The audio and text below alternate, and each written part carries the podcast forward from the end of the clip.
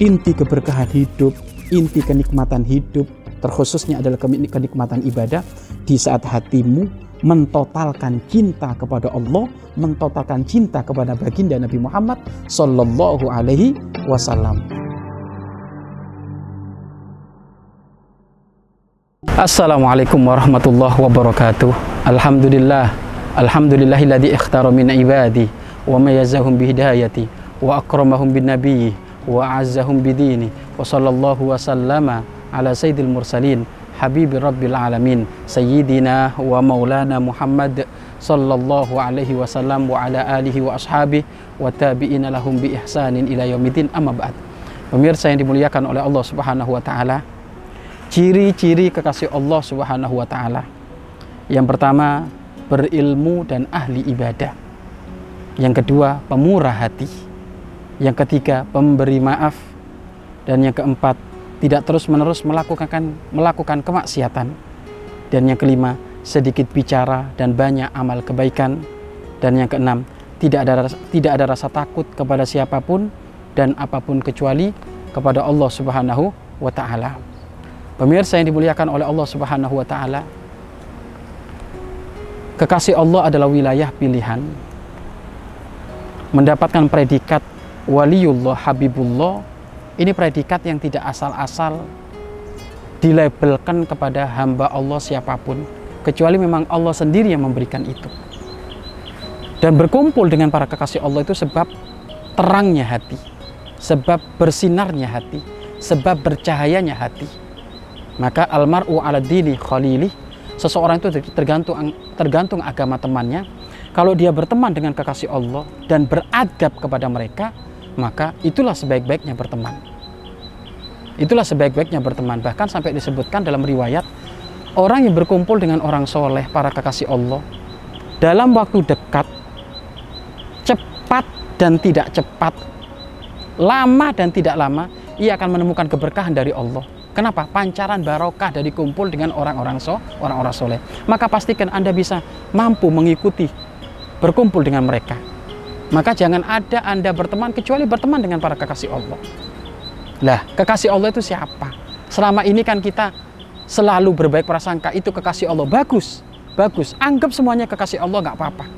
Daripada engkau tidak menganggap beliau kekasih Allah sebagai kekasih Allah. Ini bahaya juga. Kalau kita tiba-tiba di saat menganggap orang dengan husnudon kita kok salah, nggak ada urusan. Tapi kalau kita jelek prasangka ini yang bahaya. Kekasih Allah itu minimal tandanya ada enam.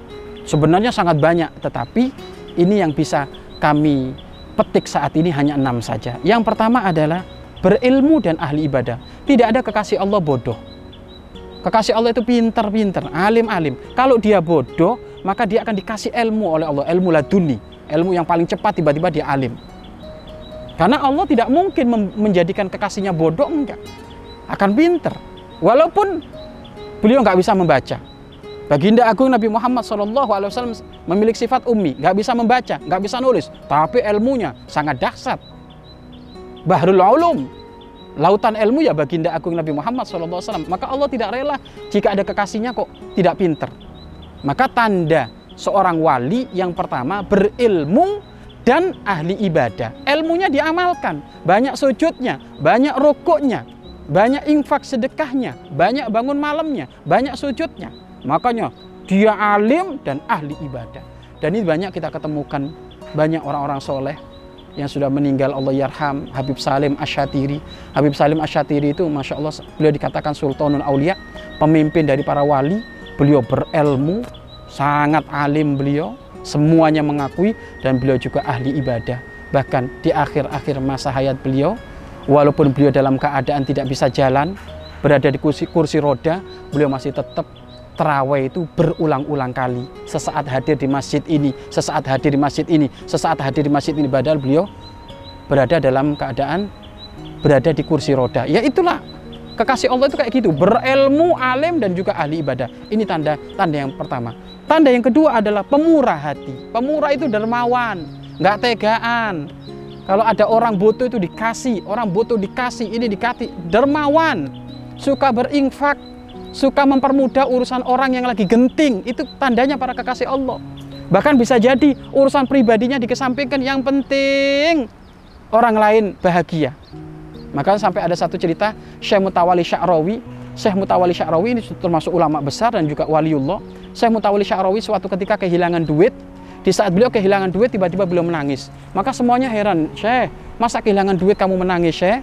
Bukan urusan kehilangan duit itu yang menjadikan aku menangis, tapi sebab musabab jika duit itu nggak ada yang sudah aku niatkan untuk melakukan kebaikan, itulah yang menjadikan aku nangis. Emangnya engkau janji apa wahai Syekh? Ketahuilah, duit yang hilang itu sudah aku janjikan untuk aku berikan kepada fakir miskin. Betapa mereka sekarang menunggu-nunggu duit ini sudah hilang. Jadi bukan urusan hakikat duit akan utus urusan kepentingan pribadinya enggak, tapi yang menjadikan beliau sedih adalah duit ini sudah akan aku ikrarkan aku wakafkan, aku infakkan kepada fakir miskin tak taunya hilang. Itulah para kekasih Allah. Seperti itu. Tidak pernah urusan kepentingan. Bajunya mungkin biasa, tapi memperhatikan orang lain. Pemurah hati. Pemurah hati, pemurah hati. Kantongnya sering habis, uang sakunya sering habis untuk berderma, berinfak. Itu tanda orang kekasih Allah Subhanahu wa taala. Tanda yang ketiga adalah pemberi maaf. Kalau didolimi memberikan maaf, dicaci maki memberikan maaf, tidak pernah membalas. Ya, wal kadimin al wa al afina annas memberikan maaf. Memberikan maaf. Memberikan maaf. Didolimi kayak kayak apa pun. Digada-gadan kayak apa pun. Memberikan maaf. Malah memberikan hadiah. Sudah didolimi difitnah didatangi ini yang difitnah datang memberikan hadiah itulah para kekasih Allah itu seperti itu tandanya kemudian yang keempat tidak terus menerus melakukan kemaksiatan tidak terus menerus melakukan maksiat mungkin sekali kekasih Allah kepleset karena manusia, tapi tidak terus-menerus. Mungkin kepleset, kepleset istighfar, minta maaf, pengampunan kepada Allah. Mungkin, tapi tidak menerus. Doyan maksiat itu enggak. Enggak. Itu tanda. Yang ke keempat. Kemudian yang kelima, sedikit bicara, enggak banyak bicara, banyaknya dikir, banyak berlaku amal kebaikan. Dan yang terakhir ada tidak ada tidak ada rasa takut kepada siapa pun dan apa pun kecuali kepada Allah. Para kekasih Allah itu tidak memiliki rasa takut kepada siapa pun kecuali kepada Allah. Yang ditakutkan hanya siksa Allah. Yang ditakutkan Allah murka. Yang ditakutkan yang ditakutkan Allah tidak ridho. Allah tidak memberikan maaf. Itu yang ditakutkan oleh para kekasih Allah, kekasih Allah. Pemirsa yang dimuliakan oleh Allah Subhanahu wa taala. Ayo mulai dari sekarang ambil wilayah berteman dengan para kekasih Allah.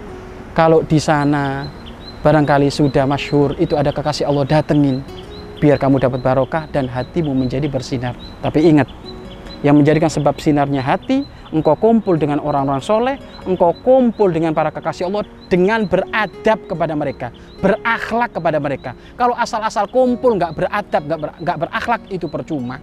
Ada orang kumpul dengan kekasih Allah tapi nggak beradab, fatwanya nggak didengar, perintahnya nggak diikutin. Yo gimana akan mendapatkan keberkahan? Gimana hatinya akan mencorong, hatinya akan bersinar? Wong nggak nurut, nggak patuh, Lalu bagaimanakah adab dengan para kekasih Allah?